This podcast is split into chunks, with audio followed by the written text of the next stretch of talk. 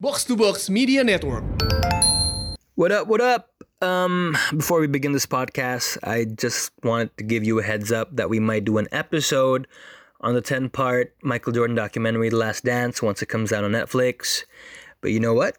That's not the only new thing from Netflix. Because we also got Drama Audio Ramadan Pak Budi. Ini persembahan terbaru dari Netflix Indonesia dan Box to Box, I kid you not, Box to Box, untuk mengisi Ramadan lo semua. So, the story is about Pak Budi yang Ramadan tahun ini lagi berduka, soalnya baru kehilangan istrinya. Dan untuk mengurangi rasa sepi, Pak Budi ini nonton Netflix dari Heidi almarhum istrinya, man. Dan dia nonton banyak original series dan film dari Netflix di situ. Dan dari semua itu, semua cerita Ramadan Pak Budi bersama kedua putrinya dimulai. So it's a pretty interesting premise. Dan menurut gue sih yang main juga nggak kalah mentereng. Ada aktor kawakan Priti Moti sebagai tokoh utama Pak Budi. Sama Cetiza sebagai Laras, Ucita Pohan sebagai Dinda. And this is my favorite uh, cast decision karena nggak kalah sama Morgan Freeman. They got Teza Sumenra sebagai naratornya. So I think it's gonna be pretty dope dan musik udah pasti aman soalnya produksi dari Monogascaro. So when and where can you listen to drama audio Ramadan Pak Budi? It's gonna be a weekly thing setiap Selasa naik di Spotify sama Apple Music. All you gotta do is search Ramadan Pak Budi di keywordnya. Episode 1 bakal tayang, bakal premier Selasa tanggal 21 April 2020. So, tungguin, pantengin, jangan sampai kelewatan. And now, ladies and gentlemen, it's Box Out Indonesia.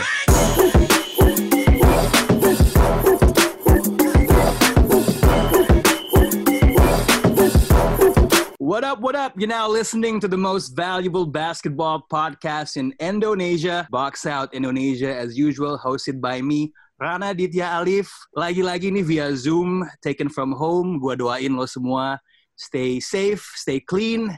And on the screen udah ada Amar Gill. What up, what up? Yeah, what up, man? And I got penjual hot take kita, uh, Tufail Muhammad. What is going? What up, what up, man? Dan tentunya Gemal. What is up, bro? What do you do, baby? Eh, biasanya Gamal nih orang paling ganteng pertama di box out. Tapi kali ini dia menjadi yang terganteng kedua. Because, ladies and gentlemen, it is my privilege to introduce y'all the most valuable podcast guest on box out. Kalian mungkin tahu dia sebagai seorang businessman, sebagai seorang pejabat publik, sebagai seorang politisi, sebagai entrepreneur. Tapi hari ini kita mau ngomongin dia terkait kecintaannya yang pertama, basketball. It is my honor to introduce y'all to Bang Sandiago Uno. What's up? Thank you for having me. It's a big honor. Yay, yay, yay, Bang Sandi. Ini kita situasi lagi COVID, jadi semua take podcast pun ya, bikin konten macem-macem dari rumah. Uh, basket sama NBA juga lagi stop. My first question to you would be, kan Bang Sandi ini sangat aktif main basket ya, ke main basket di uh, Bulungan situ ya. Um, terakhir kali main basket dalam situasi COVID kapan, Bang? Um, we developed this COVID compliant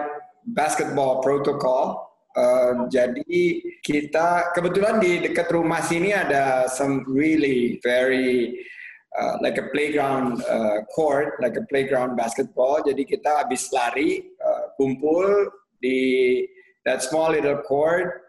So we do some shooting uh, two meters apart, six feet apart, and then uh, when we play uh, one big court, three on three, we develop this uh, rule.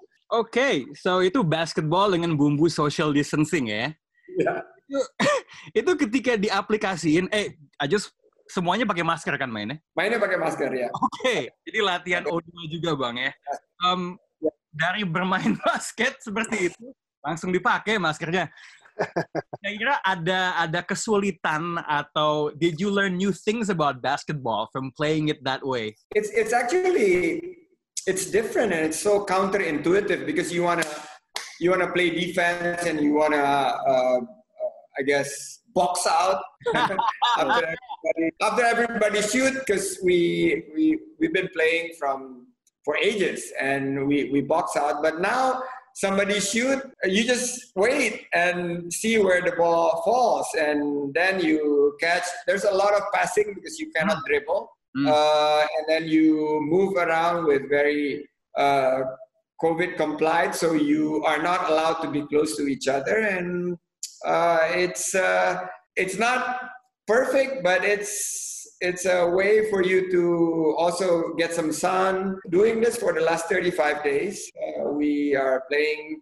We're playing tomorrow again. Uh, I don't know for how long, but if it's just three of us, we just do some three-point shoots from from distance, and then uh, uh, and then we we call it a day. Ini luar biasa ya, uh, walaupun lagi COVID basket nonstop, walaupun ini kayaknya metodenya Russell Westbrook mungkin nggak akan terlalu cocok ya, nggak bisa stat padding dia. uh, Mark, dari ceritanya Bang Sandi tadi, kira-kira is it something that you look forward to do? Apalagi kan gue lihat dari IG story lo, lo main sendiri di Sentul kan? Iya iya iya. Ya. Sebenarnya itu yang yang paling double dilakukan saat ini. Sebenarnya makanya uh, kalau kalau kita ngikutin dari kita kalau kita mau comply kan sebenarnya kan disebutkan kita tetap disarankan olahraga olahraga mandiri gitu ya. Nah, hmm. makanya yang yang gue lakukan juga memang agak beda dengan yang dilakukan sama Bang Sandi karena uh, berusaha uh, sebisa mungkin memang nggak sama yang lain gitu mainnya. Jadi ya paling ya hmm. shooting uh, drills, ngelakuin dribble drills, mau nggak mau itu bisa menghapus dahaga kita udah lama nggak main basket sama ya tetap berolahraga juga. Jadi itu tapi yang yang dilakukan Bang Sandi itu tetap paling sulit tadi disampaikan sama beliau. Insting kita yang dilawan. nggak akan nggak akan nggak akan rela anak basket nggak akan rela ngelihat orang dua meter di depan dia nge-shoot didiemin gitu aja. itu Lo paling sulit pasti. Mentality kayak gitu, men. Iya. ya, ini ini seolah-olah ini apa namanya? Berarti semua pemain ini yang nggak bisa main defense semuanya ya, yang yang nggak yeah. suka defense lah ya. Ini tim-timnya Mike D'Antoni nih cocok kayak gini ya. Benar, benar. Enes Kanter bisa lah main di sini. Iya. Oh ya kebetulan juga Enes Kanter mungkin teman-teman belum tahu kemarin eh tadi pagi ketika podcast ini diambil ada sesi sama Perbasi ya, dia jelasin tentang dia sebagai pebasket. Um, ini masih on the topic of uh, COVID nih Bang Sandi. Ini Bang Sandi luar biasa nih, bisa tetap berolahraga, menemukan sebuah metode baru. But I want to step back maybe a little bit out of basketball. Pengen tahu aja sih kalau menurut pandangan Bang Sandi ini what's going on with our country soal COVID ini dan mungkin kita-kita yang dengerin podcast nih, what can we do more supaya situasinya semakin membaik? First, I go with what can you do more. Uh, you guys are celebrities, you're very well known, you are very active in social media. Please uh, help out, uh, help the government to spread out the news that people have to comply with uh, the directives, uh, staying home. Uh, as, uh, as directed by the government, try to do containment, uh, try to help out. Uh, the social impact is, uh, is great. The economic impact is, is humongous. Try to help and in any way you can. you also would be able to educate the people to wear mask, uh, to wash your hand, and little things like that. Uh, I think you you could do. You know, it's it's not going to be ever enough, but I think that's uh, tangible and concrete things that you can do. Um, the government, well, nobody has ever modeled a COVID nineteen situation. It's a truly a black swan event. Uh, nobody. It's like an unknown of unknowns. It's uh, you know, business never really forecast that there is a pandemic, although Bill Gates have said it in 2015 and Obama has said it in the past. But uh, I guess it's just so unfortunate. Uh, the government is trying its best. I was earlier on, I was advocating for the government to have a stricter, I guess, uh, rules for people to not to spread the news. And you know, I've been now community communicating with top leadership of the government mm-hmm. in the past two three weeks. It's it's a tough job for the government because uh, you you're having to deal with so many permutations of uh, policies, yeah. and uh, policy makes must uh, must make sure that you uh, take care of the health crisis situation first, uh, and not creating chaos and not creating people panicking uh, so yeah, I guess uh, maybe there's some uh, some criticism about the government, but this is not the time that you sort of like debate in public. Uh, it's a time for us to, to unite and, and yeah. help uh, in any way we can, and that's that's my personal opinion. And, and if yeah. we are together, if we are united, I think it, it makes it much easier to fight against COVID. Ya itu hot take ke Bang Sandi soal COVID ya. Um, but yeah, I, I, I totally agree. Uh, I see your point bahwa memang ini sebenarnya sesuatu yang sangat kompleks dan dibutuhkan langkah-langkah kecil dan partisipasi dari semua agar semuanya bisa lebih baik gitu. Satu hal yang kita kehilangan Bang Sandi selain permasalahan uh, akibat COVID adalah menonton NBA. anyway, uh, before we go there, did you see that viral tweet or Facebook uh, whereby there's a girl complaining. Mm-hmm. Oh, blum, blum, blum, blum. Can you explain it to us? I cannot because this is public, too uh, graphic. So, uh, uh but this uh, NBA, we'll, we'll, do it off screen. But this is massive. I was watching the NBA earlier uh, live in Brooklyn mm. during right after Christmas, Boxing Day. Yeah, and it was yeah nobody has thought uh, that this could happen ever to uh, to major sports let alone mm-hmm. nba and then you are seeing the thank god we passed the super bowl the nfl and then uh, now the olympic is is uh, postponed. so yeah it's weird not to have nba towards uh, the uh, june playoff time but you know it is what it is we just have to uh, make sure that we go uh, through this COVID situations, and hopefully we could we could have a great uh, season. Uh, un- unfortunately, my team is uh, is doing okay this this year, Boston Celtics, but. Nah, uh, itu dia nih. but they, I don't think they, they will be able to uh, to complete the season. Sorry. Okay. Okay. Before we go on the topic of Boston Celtics, karena kebetulan pendengar box out tuh banyak banget yang fans bukan hanya fans Boston Celtics, tapi fans of Boston sports for some reason. Walaupun mereka tidak pernah ke Boston gitu. Tapi eh, liga-liga kan banyak yang di cancel karena corona, and obviously so. Nah, kita sempat mendiskusikan soal soal langkah uh, misalnya NBA nih dalam mengcancel liganya for you when that happened do you think it was too late or it was the right time? I think it's the right time ya. Karena kan itu trigger uh, di Utah Jazz kan? Rudy Gobert and then late, later on Donovan Mitchell uh, you I think it's the right decisions by the commissioner. Tapi hmm. ya gimana ya? Susah ya karena kalau kita fans NBA kan ya uh, sangat subjektif and we're very biased uh, dan kita juga pengen uh, pemain-pemain NBA kita ini sehat buat next season. Yeah. Ya. Uh, gue baru aja kehilangan Lukman Yode. Uh, it's a very not only friend but it's a very close relative and he's one of the most uh, fit person I, I think at his age umur 56 uh, hampir 57 dia perenang nasional lungsnya kuat banget dan kita hmm. train sama-sama uh, we we lost him uh, uh, you know and covid took him uh, yeah. so it could happen to to anybody to athletes to uh, regular people like like us so ya NBA udah ngambil keputusan tepat sih menurut gue. Ya, ini emang sesuatu yang nggak bisa di take for granted ya. Um, Gamal, kayaknya dari tadi udah gatel mau nanya By the way, I just wanna reinforce this nih, Bang Sandi. Gamal itu dikenal nickname-nya Sandiaga Duo. History of Amar. Bukan saya yang bikin, Bang. That's the people talking. keren background, backgroundnya tapi keren banget tuh. ini buat teman Pikirannya sesuai dengan yang lagi ini, yang lagi hot sekarang kan. Lagi kita juga semua milenial kan di sini kita. Ya gam gam, go shoot, go shoot. NBA questions to Bang Sandi. Apa ya? Bingung juga nih ya. Tadi tadi kayak udah banyak pertanyaan terus ketika soal, ada kesempatan agak grogi nih, kayak starstruck gitu.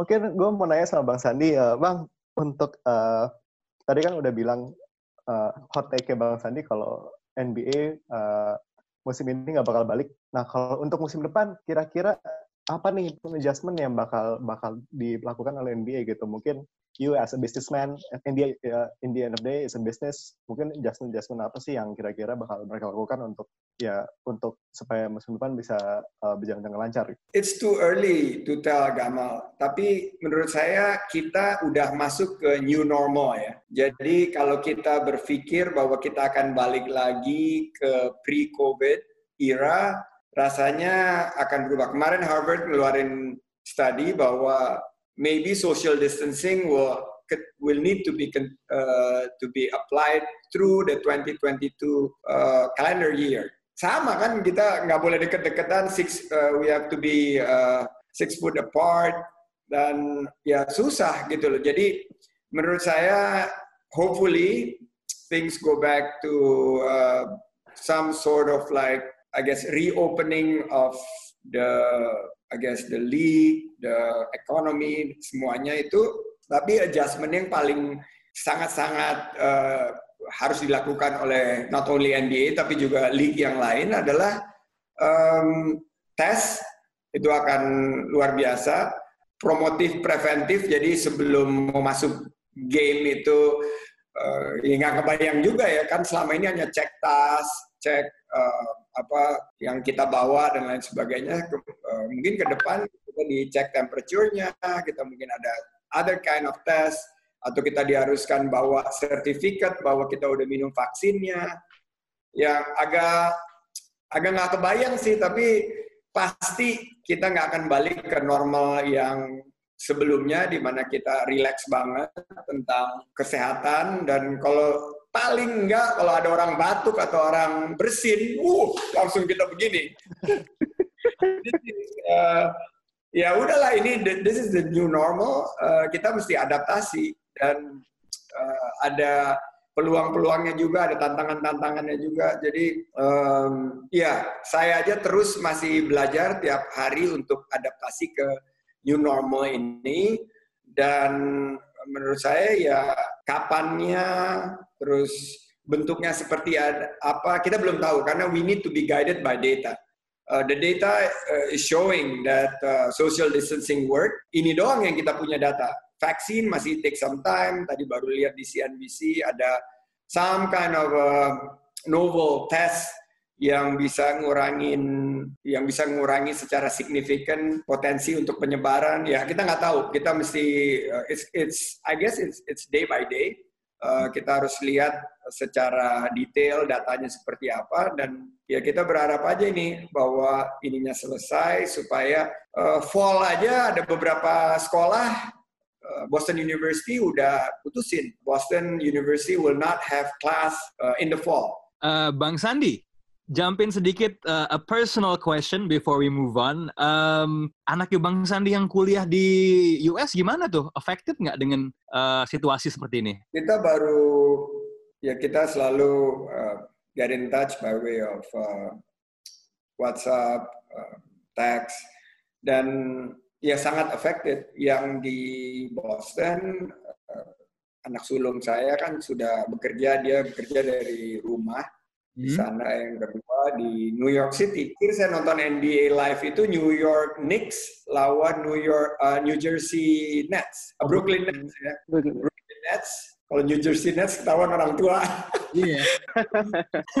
lawan um, New York Knicks. New York Knicks menang aja waktu itu saya bingung juga tuh padahal totally this NBA sometimes you you cannot cannot uh, call a game gila ya. Tapi kita nonton di sana waktu itu saya ngunjungin anak saya yang di New York City itu di epicentrum kan. Dia uh, locked in uh, juga nggak bisa keluar. Uh, dia masih sekolah jadi dia nyelesain tahun terakhirnya di sana. Kita terus berdoa aja bahwa uh, mereka terlindung dan uh, diberikan keselamatan dari yang Hope everything's good uh, for your kids, Pak. Um, tadi dibilang ini istilah new normal buat saya menarik ya. Um, kan sepertinya banyak kompleksitas terhadap liga nantinya, nyambungin pertanyaannya Gamal, di NBA yang sangat professionally run. Akan ada banyak komplikasi dan lain sebagainya. It's gonna be complicated di sebuah liga yang mungkin paling well run di dunia. Nah, pertanyaan saya ke Bang Sandi adalah, can you imagine how it would be implemented di liga-liga di Indonesia, say di IBL gitu? Do you think we have what it takes to comply dengan komplikasi-komplikasi yang mungkin terjadi? With some kind of adjustment, menurut saya kita nih we are an early adapter. Orang-orang Indonesia itu don't underestimate. Kita cepat sekali berubah. Dulu ada yang bilang kita belum terpenetrasi teknologi, nggak tahu dalam waktu nggak nyampe dua tahun, aplikasi transportasi online udah salah satu yang paling terdepan. Uh, juga di edukasi, di microfinance dan lain sebagainya Indonesia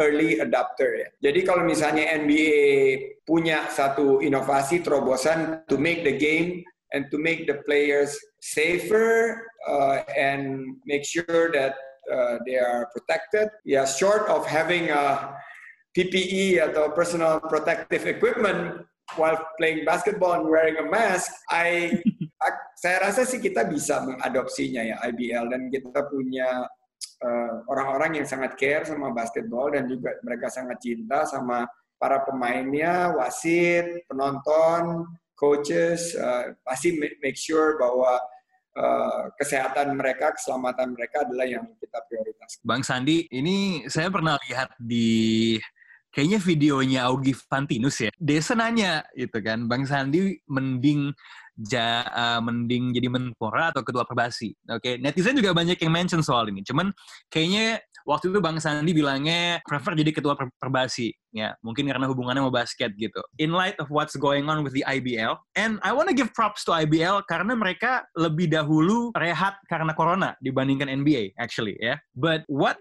kind of changes would you implement? Ya, ini pertanyaan hypothetical ya. Seandainya misalnya Bang Sandi ini ketua perbasi terhadap perbasket perbasketan Indonesia khususnya di tengah situasi COVID ini? Saya tuh jadi pengurus perbasi pertama di eranya Pak Sutioso, Uh, terus di eranya Erick Thohir, saya jadi salah satu ketua. Terus jadi pembina di zamannya Mbak Novianti Kanasution, and then and then I uh, involved in uh, sebelumnya juga uh, owning a club, running a club dan lain sebagainya. I think uh, it is in the right trajectory uh, apa IBL ya uh, dan uh, kita udah achieve hal-hal yang kita nggak pernah mikir bisa achieve sebelumnya. Uh, tapi ya kalau kita lihat kita agak tertinggal dari segi bagaimana menjadikan basket ini industri.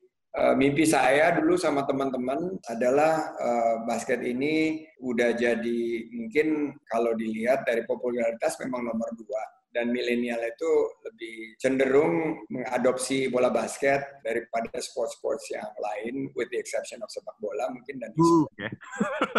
tapi uh, ya tentunya perlu penanganan yang secara profesional uh, yang ya tentunya ditangani juga dengan penuh transparansi, akuntabel, juga ya good governance uh, bahwa kita harus kelola ini sebagai satu ekosistem ya. Karena kesalahan yang dulu-dulu dan insya Allah nggak terulang lagi itu adalah bahwa you make it it's like your your personal pet project. Padahal kan perbasi itu hmm so many um, apa stakeholders. Uh, saya sekarang menikmati sekali gitu loh. Saya punya ikut-ikutan sedikit di Satria Muda. Saya lihat dari luar, dari jauh nggak involved di manajemennya, tapi saya lihat bahwa ya basket ini mempersatukan ya, karena uh, basket ini juga mendidik kita uh, nilai-nilai uh, yang diperlukan untuk bangsa ini uh, maju. Seperti basket ini satu preparation. Mau main basket ya kita hmm. harus fully prepared. Bangsa ini kalau mau maju ya harus menyiapkan. Basket itu it's about speed. Speed. Basket itu beda sama hmm. sama olahraga yang lain di mana uh, kita kita bergerak terus. Nggak pernah ada slow game yang passing-passingan. Karena ada clock. The clock is always ticking. Same like uh, growing a nation. It's uh, the clock is ticking, and you need to move fast, fast, and fast. Uh, ketiga basket is about endurance because it's four quarters. Uh, bukan bukan hanya satu quarter tapi four quarters. So you have to strategize. So you need to have Yeah. pas panjang gitu. And, and lastly, basket is about teamwork. Uh, basketball is about teamwork. Nggak bisa kita jago sendiri gitu. Mau jago sendiri kayak uh, siapa pun dengan tim yang lousy, dia nggak akan bisa competitive. Jadi ini yang menurut saya teman-teman di Perbasi, teman-teman di IBL, and it's a show business. Uh, saya kenal Helmi Yahya dulu waktu kita pertama-tama ngelihat aspek show business daripada basket. Sama-sama Mas Erick Thohir waktu itu kita bangun sama-sama. Uh, kita lihat memang it has to be packaged like show business, entertainment, dan ini yang yang sekarang ya mudah-mudahan sudah terjadi. Ya, ya, ini sebenarnya kalau Bang Sandi ngomong kayak gitu, saya teringat dengan statementnya David Stern sih. Ketika dia bilang dia membandingkan NBA dengan Disney World sebenarnya. Kalau Disney World punya Mickey Mouse, punya Goofy, ya dia punya Michael Jordan dan kawan-kawan. Um, still on the topic of local basketball, um, yang saya mau nanya ke Bang Sandi adalah Um, ini kan ada yang menarik ya dengan IBL musim ini. Kita punya sebuah tim yang isinya pemain uh, timnas semua lah harapannya Patriots gitu. Saya sebagai seorang fans sebenarnya agak bingung karena oke okay, ini isinya pemain Indonesia semua, ada kata-kata Patriots. Kalau saya tidak mendukung tim ini, apakah saya tidak patriotik gitu? Cuman I will not put the burden of being a fan on that to you, Bang Sandi. Um, do you think it's the way to go? Dengan punya satu tim yang seperti itu di dalam liganya bagi perkembangan uh, timnas kita? It's tough. It's tough dari segi ini kan belum pernah di belum pernah di jalan belum pernah dicoba sebelumnya. Tapi I'm very open minded. I I'm very open minded. I I'm quite I I really all that I do I I open up for innovation. Dan ini salah satu innovation yang lagi dicoba. Is it fair? We don't know. Um, kayak punya dream team di dalam satu satu liga uh, whether it is going to be competitive but what is good is that would allow the best of the best to continue playing together dan kenal satu sama lain uh, rather than main di klub masing-masing terus pas pelatnas digabungkan.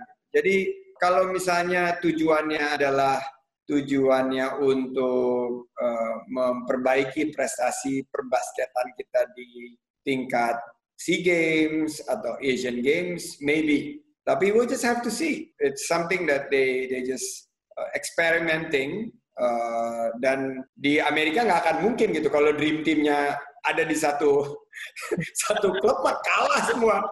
kalau misalnya you have uh, uh, Giannis and then you have uh, the best of the best LeBron in one team ya selesai yang lain. Tapi di Indonesia saya nggak tahu. Um, we'll see. Um, I I don't again you are correct that uh, apakah kita nggak patriotik kalau nggak belain dia? Nggak juga, karena kan yang klub-klub lain juga klub Indonesia gitu. Jadi mesti mesti dilihat dulu lah. Ini it's too early to tell. Let's uh, give them the benefit of the doubt ya bang ya. Oke, okay, look, I don't want to burden you with questions about Indonesian basketball. Sebenarnya menurut uh, saya sih, I want to know you more as an NBA fan sebenarnya you know, like us gitu kan. Um, tadi you mentioned about Boston Celtics, okay? So since when and kenapa Boston dari semua tim, Bang? Ini gara-gara sebetulnya gini kan dulu zamannya NBA baru-baru banget di Indonesia gitu. I was still in high school, mereka masih pakai sepatunya Pony, belum ada Nike dulu. Saya nggak punya tim favorit gitu. Tapi ah. terus saya uh, berangkat summer school di Long Island terus ya obviously yang tim yang paling diekspos itu adalah the New York Knickerbockers kan? Tapi saya nggak pernah dapet tuh uh, feeling. Nah begitu balik lagi ke Amerika terus watching NBA very closely it was the era or Magic versus Larry Bird hmm. uh, Magic Johnson. So saya suka Magic Johnson dan Karim Uh, tapi I particularly like how Larry Bird uh, is playing and his team was Boston Celtics. And uh, I also I'm very very uh, karena saya main terakhir di tim yang serius ya di Kobatama saya kita main saya main di posisi dua satu karena udah dulu saya pernah main di posisi tiga empat.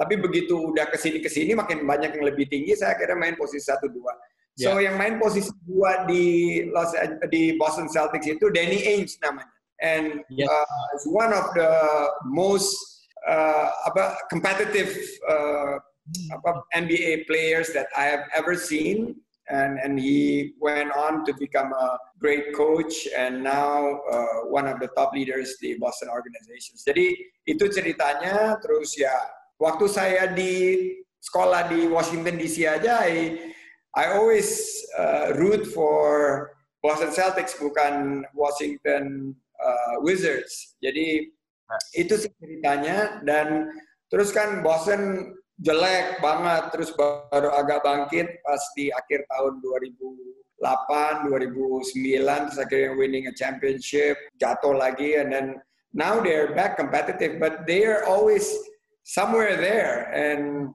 uh, kalau mesti pick satu team with a lot of heritage a lot of history uh, yeah I I go to I go with Boston Celtics Jadi, is it safe to say that kan kalau kita ngelihat Danny Ainge dia dari pemain jadi GM, eh, kalau nggak salah GM yang terakhir, apa, apa apa President of Basketball Operations, one of those titles ya. So, is it safe to say that he is someone who you model your game and maybe parts of your life on? Danny Ainge, uh, because how he plays, uh, dia terus setelah itu the leadership, Uh-huh. uh, karena di, di that first starting five of Boston kan ada Larry Bird yang the star, uh, basically White, the, the rock star is Larry Bird, Yeah, and then you have Dennis Johnson yang main nomor satu. underrated. uh, uh, he's uh, uh, the point guard. Terus ada Kevin McHale, ada Robert Parrish. Tapi Danny Ainge itu uh, he's a run and shoot type of guy. Uh, mirip-mirip saya mainnya waktu waktu dulu. Tapi I really uh, I'm I'm always amazed by his uh, uh, leadership behind the scenes sama uh, the way he strategized. Yeah. Uh, later on, he became a, a good coach, and after that, he became uh, the uh, uh, top management in the in the club, and he built the the current team. Uh, and and many, despite uh, every uh, quite difficulties of not having a very uh, top star player, dia masih buat masih bisa membuat uh, timnya competitive. I'm gonna put you on the spot, Bang Sandi. Kalau misalnya disuruh top 5 Boston Celtics of all time, who would you pick? Definitely uh, Bill Russell's. I've Larry Bird. That actually those uh, Danny Ainge, those era is is good. But then later on, you have uh, the current team, which is uh, I think it's an amazing team. Team. I like uh, Tatum. Uh, Jason is developing to be a very very smart player. Uh, I think he's going to be good. Jason. Uh, I th- I sat uh, with Jalen Brown when he was in Jakarta. You met him, yeah. Aku waktu itu uh, wakil gubernur, jadi bisa dapat kesempatan duduk di sebelah dia. Kalau masih jadi kayak sekarang uh, rakyat biasa mungkin nggak dikasih duduk sebelah Jalen Brown. I, I like how he plays, it's cool. Um, dan ya kalau uh, I think Gordon Hayward is a good acquisition. Sayang dia cedera di awal. Mhm. When they traded uh, Kyrie, it may be for for the best. Tapi uh, now look at the the replacement. Uh, I think you know it's it's still a very competitive uh, Boston team. Jadi buat saya sih um, kalau disuruh pilih top 5 susah sekali tapi Oh iya belum. Aduh belum dari tadi. it has to include, it has to include Bill Russell, it has to include uh, Nate, it has to include Larry Bird, uh, Danny Ainge, Uh, and maybe from the current era, Tatum lah, uh, Jason. Wow. Oke, lupa Paul Pierce bang. Atau, atau KG, KG bang. I miss, I miss Ray Allen, I miss Allen, Kevin Rondo. Garnett, I miss Paul Pierce. Tapi karena kita langsung loncat ke sini ya mungkin Tatum to represent the new the new guys. And I miss Rajon Rondo. Uh, I think it's a good player. Uh, With the dimes back in the day. Fail. Kayak lo Yes. digato ngulik ke Bang Sandi soal NBA deh. You already, Yeah. you already have his top five. Anything you want to Ya. shoot? Oh iya, Bang Sandi mau nanya nih, ini pertanyaan yang biasanya standar ke anak-anak yang suka NBA. Jadi Bang Sandi ini, kalau menurut Bang Sandi, pemain terbaik NBA sepanjang masa itu Michael Jordan atau LeBron James? Atau mungkin Bang Sandi punya lain? I have moment of basketball with uh, Michael Jordan. Uh, Wis. ya sebetulnya sih kalau kita lihat Ma- Michael transformed the game. Uh, you gotta be in that era to to understand how profoundly how what a profound impact he had to the game. Gila sih waktu itu. Orang ngelihat Michael Jordan kayak nggak punya kayak ada sayapnya bisa nembak gitu. Jadi dan waktu itu kan rivalry-nya sama Utah Jazz, ada Karl Malone, terus juga uh, Michael Jordan itu uh, Chicago Bulls waktu itu ya ya luar biasa sebagai tim and he made the team great gitu loh. Um, LeBron have proven uh, with so many teams sekarang sudah sama uh, Cleveland sekarang di Lakers. Uh, yeah, I think uh, they'll write history and it it is it, it actually uh, depends on which era that you were you were watching the game very closely. Ya, ya, Kan pas eranya Michael Jordan, jadi uh, sangat. Tapi apa yang LeBron sekarang kerjakan sih amazing juga gitu. ya.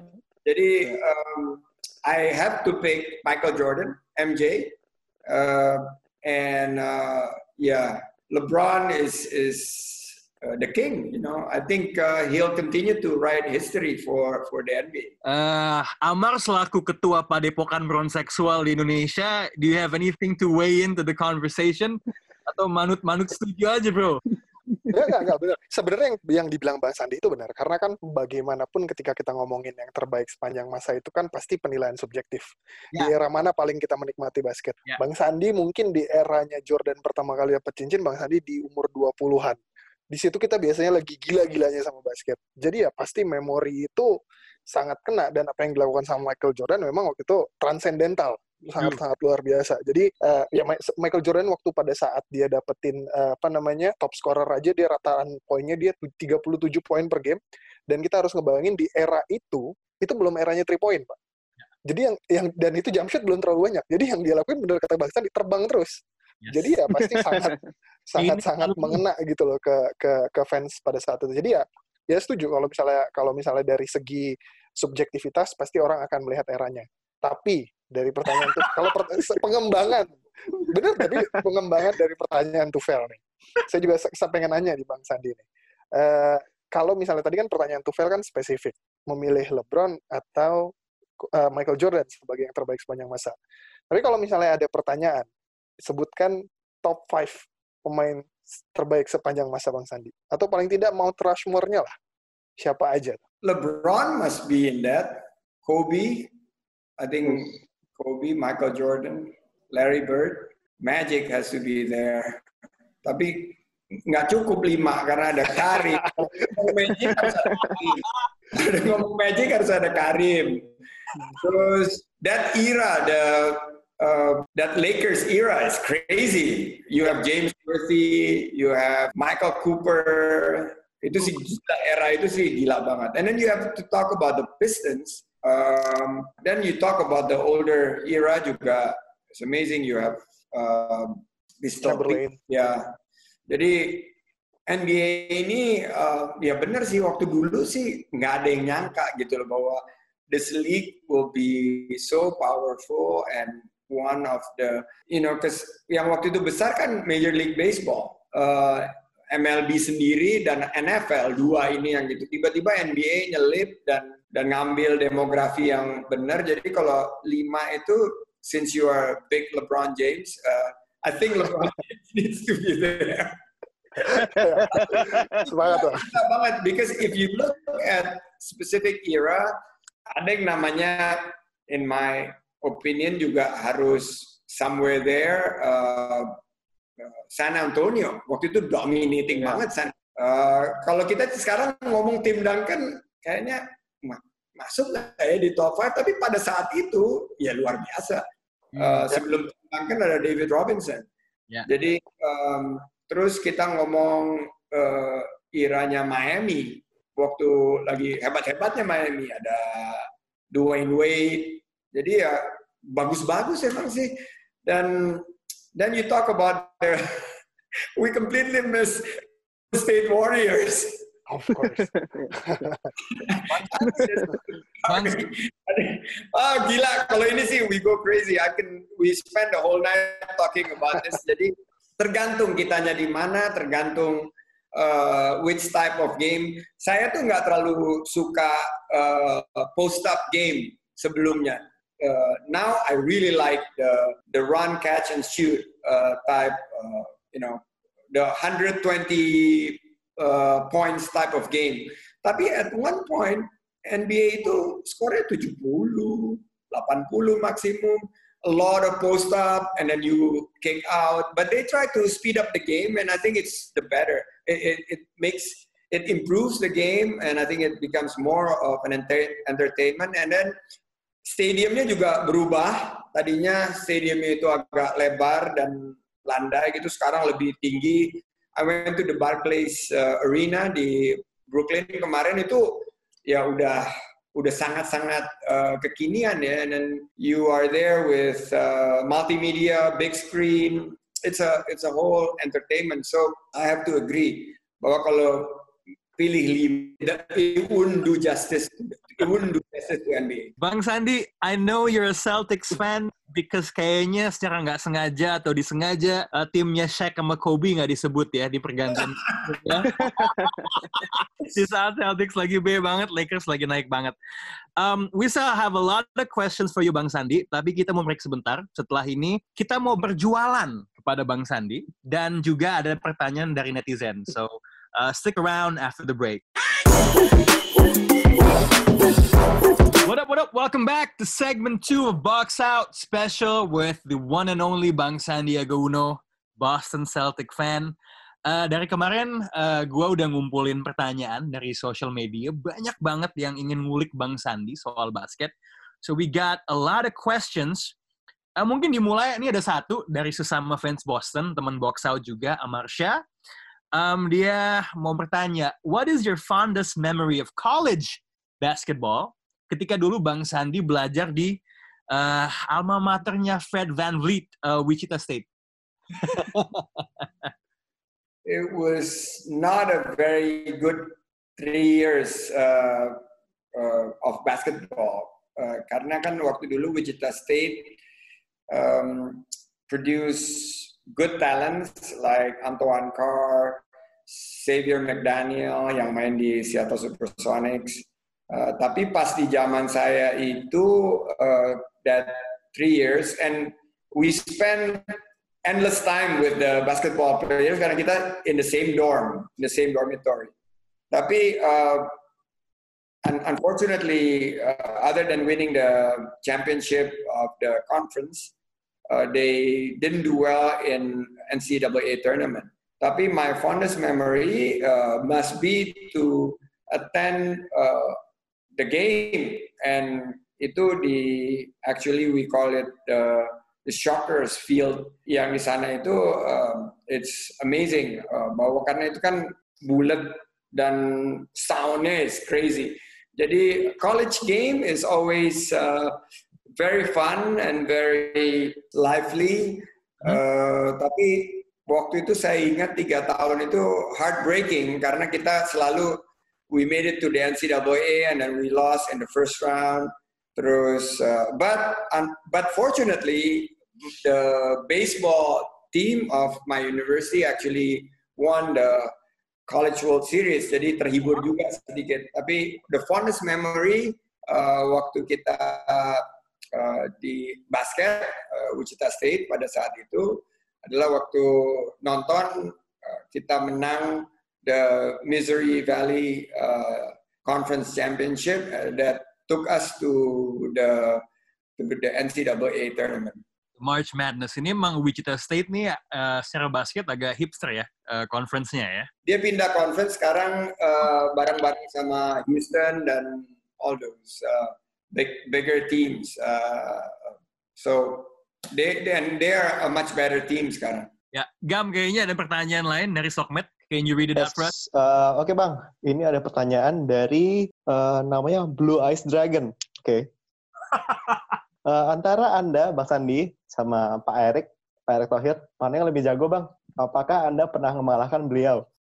Oh, funny, I, I just spoke with him like two hours ago. Uh, basketball itu yang pertemukan saya sama Pak Erik juga. Waktu dulu dia main di Indonesia Muda, saya main di uh, klub uh, Citra Satria di Jakarta Selatan, CS. Ya menang kalah menang kalah, uh, nggak pernah Uh, tapi waktu SMA dia dia di bawah saya sedikit kan uh, dia satu kelas di bawah saya kita uh, dia main di SMA 3 saya main di panggung di luhur uh, ya gitu juga menang kalah menang kalah tapi belakangan ini Pak Erik udah berhenti. Jadi dia hanya um, datang shoot shoot uh, nggak terakhir kali waktu kita main basket di Mahaka Square uh, dia udah nggak main. Tapi I remember when he was much younger, uh, larinya kenceng, terus punya tembakan bagus. Uh, so I have good memories playing basketball with Pak Erik. Bang, mau mau nanyain lanjut nih Bang soal ini Bang. Oh by the way, when you mention uh, just before I go to Amar, Pak Erik ajak saya waktu itu kita invest di Philadelphia 76ers bareng-bareng. Oh. Uh. Itu I was very doubtful whether that investment would work karena Philadelphia 76ers itu prestasinya jelek. Itu zaman-zamannya Elton Brand, ya. zamannya Drew Holiday was playing back then. Padahal bang ya berarti. Ya pada saat itu. Nah tapi that first year that we uh, start owning the club, they did some changes. Uh, terus Pak Erik ini emang tangannya dingin ya. Dia jadi dia uh, advocate some changes, and then we made it to the playoff we almost go into the second round. Uh, then the the value of the club uh, went up so much.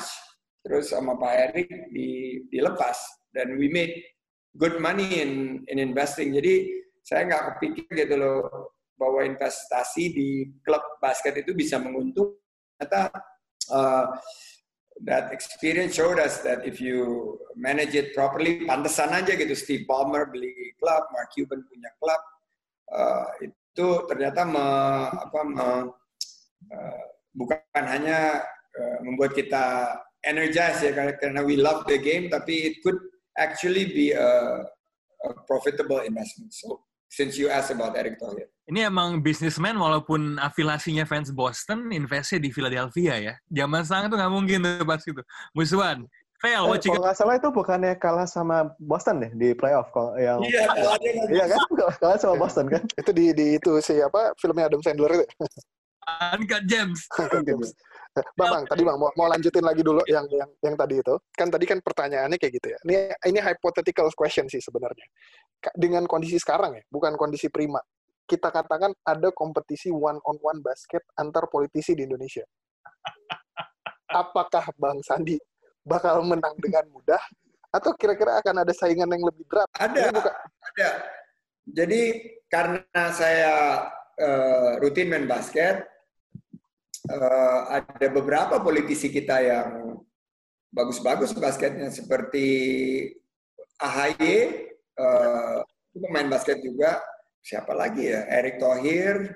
Saya lihat juga di uh, di di Gerindra ada Budi Jiwandono, itu juga lumayan, anak muda, uh, basketnya juga lumayan. Terus kalau dilihat sih one on one, uh, menang lah.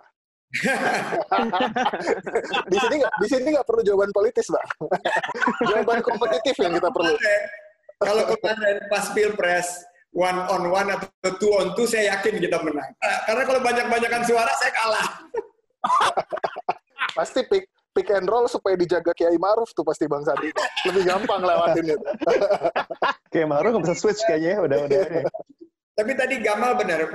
Jadi that particular season was uh, brought up by Adam Sandler in the Netflix uh, Yeah. movie Uncut Gems, which is ya itu memainkan itu exactly the the series that we were watching. Saya sama Pak Pak Eriknya ada di ada di Amerika nonton live. Saya nontonnya di Indonesia waktu itu karena saya nggak bisa berangkat. Itu that's particularly the the time that we um, that we we were owning we own the club. Ini jangan-jangan stock footage ya Uncut Games kalau dilihat dengan seksama diperbesar background-nya siapa tahu ada Pak Erick Thohir ya di belakang ya. Ada Uh. Fail, you got a bas uh, you got a business question lined up uh, buat Bang Sandi. Ya, Bang Sandi tadi kan sempat mention eh, ownership tim NBA sama Pak Erick Thohir. Ini kebetulan di sosmed ada yang nanya juga. Ini dari Authentics ID alias Iril. Dia nanya, Bang Sandi kalau pilih satu tim atau franchise buat diakuisisi, kira-kira tim mana yang akan Bang Sandi akuisisi? I always like big market uh, team. Jadi uh, big market team itu ya tentunya yang punya di kota-kota besar. Uh, because that is easier to monetize. Jadi which I think kalau misalnya obviously Boston Celtics tapi itu kan uh, it will be very expensive. They said it's 2 billion dollar. Tapi kalau big market team yang sekarang di press menurut saya ya New York Knicks itu di press banget. Terus Golden State mestinya harganya turun ya karena the players are injured. Tapi it's big market juga.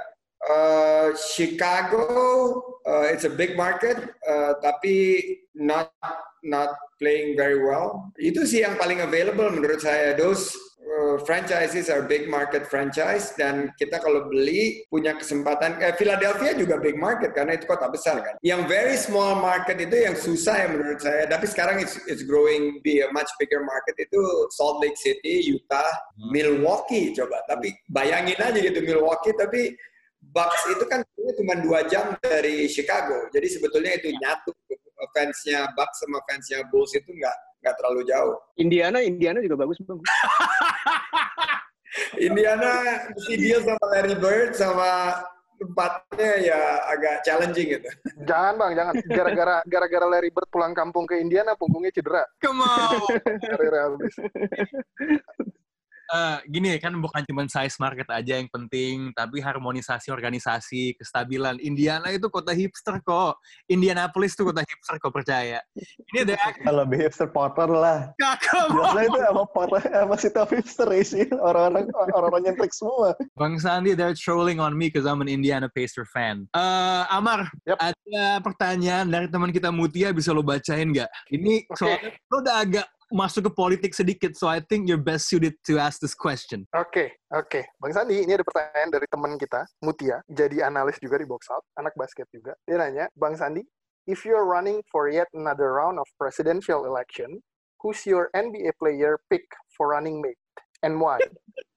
More so, why stop at VP? Are you always this comfortable being the second best?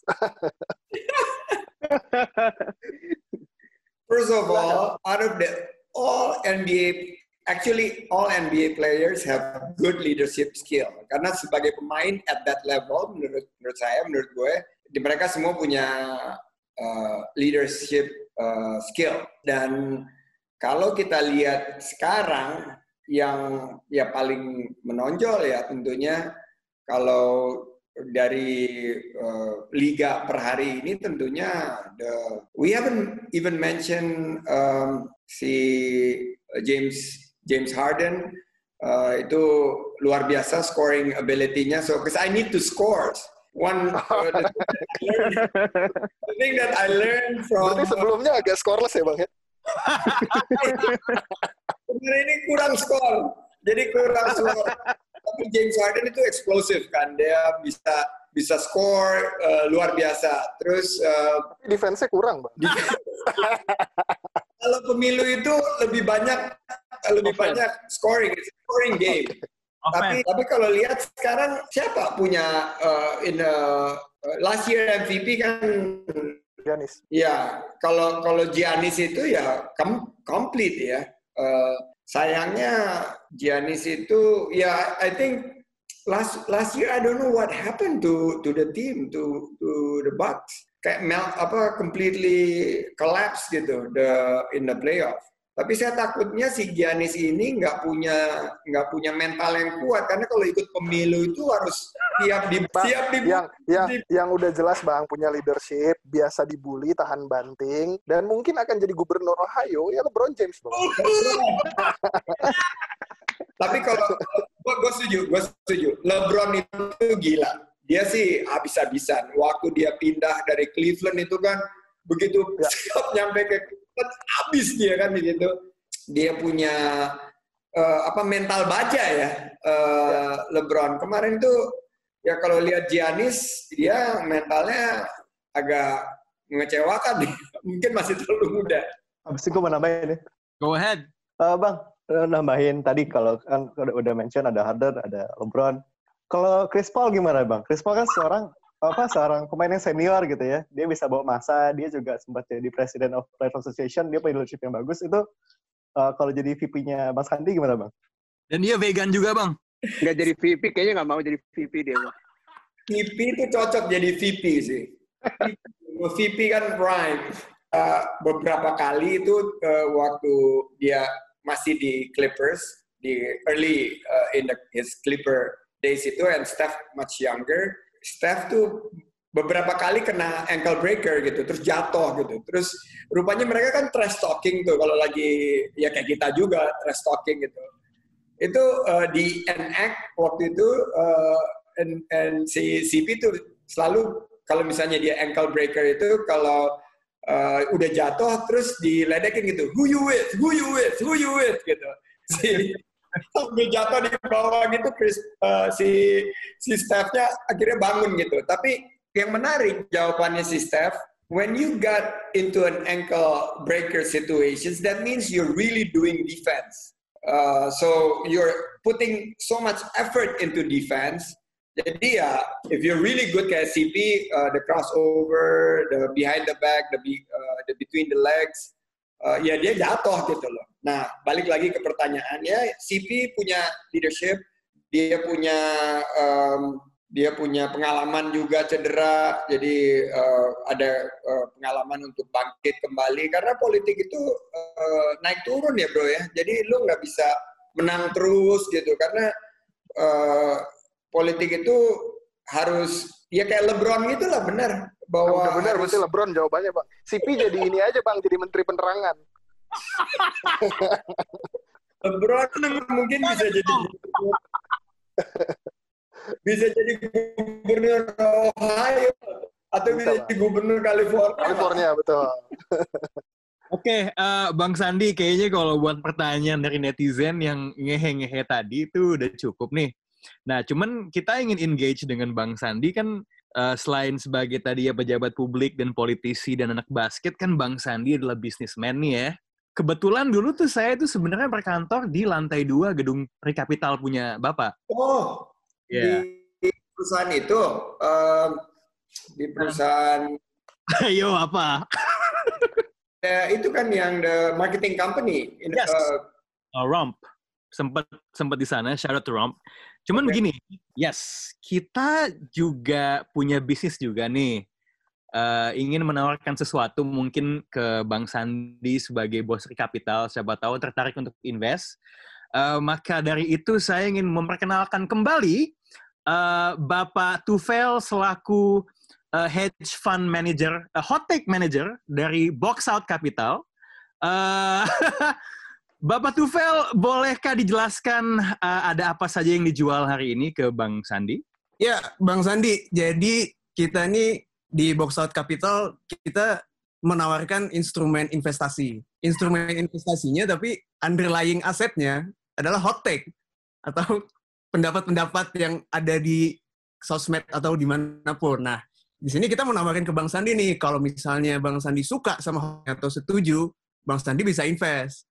Tapi kalau misalnya nggak suka, bisa dijual. Jadi kalau suka buy, kalau nggak suka di sell. Nah, hari ini saya ngebawa hot take yang mau ditawarin ke Bang Sandi. Nah, ini mulai dari hot take yang paling anget ke yang paling panas. Nah, hot take pertama, Zion Williamson. Gorengan, Bang. Zion Williamson itu adalah Shaquille O'Neal yang main di era modern. Bang Sandi setuju at mau invest atau mau dijual nih hot take ini nih? Zion Williams, definitely, definitely a buy. Mantap, mantap bang. Ini emang tiap hari makin naik nih bang. Kalau domination dia, kemampuan fisiknya itu mirip-mirip Shaquille O'Neal, walaupun badannya nggak setinggi O'Neal. Nah, ini hot take kedua, ini nggak jauh dari O'Neal juga. Jadi pas karantina ini, si O'Neal nih ngeluarin hot take kemarin. Dia melakukan initial take offering, Bang. Nah, dia bilang, dia bilang tim Lakers-nya dia, yang tahun 2000 awal, yang sama Kobe, dia bilang dia bisa ngalahin Michael Jordan di tim Chicago Bulls tahun 96-97 dalam game series best of seven series. Menurut Bang Sandi, invest atau enggak? I would sell karena it's very uh, because you have to know Michael Jordan ya. Michael Jordan itu it's a tough competitor. He, waduh, pada saat itu kan dia uh, on top of his game. Jadi definite uh, I I'm I'm not sure uh, that I would agree with O'Neal, tapi ya yeah, uh, I would I would sell um, not not uh, take this hot takes. Ini hot take yang terakhir yang paling panas. Atlet basket terbaik yang pernah lulus dari Wichita State itu bukan Fred Van Vliet, melainkan Bapak Sandiaga Uno. Oh! Invest atau sell, Bang? Definitely sell lah itu.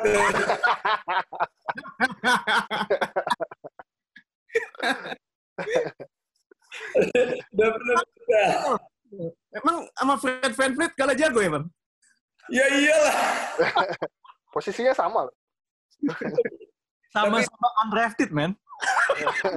Tapi Fred Van Vliet, uh, I don't know whether you you watched the entire series last year, tapi itu gila dia sampai sampai darah-darah main itu uh, fighter dia sih. Saya bilang sih dia fight, fighter dan uh, menurut uh, ya orangnya kan kecil gitu sebagai buat pemain basket kan juga nggak nggak mungkin susah gitu tapi dia bisa dia bisa luar biasa uh, me, uh, apa me, memainkan perannya ya dan dia menurut saya um, salah satu the cause uh, of uh, Toronto winning winning the games. Ya, setuju Bang. Defense-nya dia lawan Curry di final kemarin gila banget sih. Kalau Dari- ini semua udah beres, nanti coba bang pakai ini kekuatan ikatan alumni ajak dia ke sini. Tapi kita kan udah karena this is such a big market ya, you guys, and you guys uh, greatly support Indonesia to be one of the top NBA market. Uh, waktu dulu saya di Balai Kota kita ada kerjasama sama Junior NBA. Jadi mereka kasih tahu bahwa NBA merasa bahwa Indonesia is the fastest growing market. Dia salah satunya setelah China dan beberapa negara di tapi di Southeast Asia definitely uh, Indonesia. Karena di sini uh, penggemar NBA itu uh, luar biasa banyaknya dan semakin kita naik semakin banyak star yang bisa datang ke sini. Kayak kemarin ada Jalen Brown sama yang yang senior senior juga. Saya sempat ketemu uh, Maxi Bose. I don't I don't know whether you remember. Ya, ya, tahu. Hornets dulu uh, dia datang sempat main sama saya. Dan ya tingginya uh, kayak kita kita juga tapi ya obviously uh, he was he was uh, he was a legend ya. So who won? Maxi Bogues lawan Sandiaga Uno, Bang? kita mungkin aja bisa Fred Lanjut Fred, Fred di- dibawa ke Indonesia main pick up game sama Arna di, di Sentul.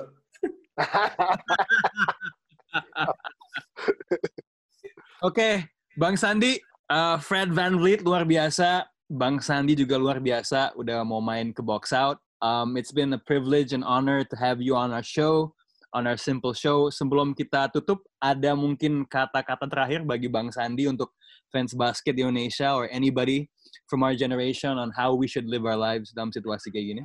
First, uh, I'd like to thank Box Out. Um, Box Out is one of the most important part of uh, basketball.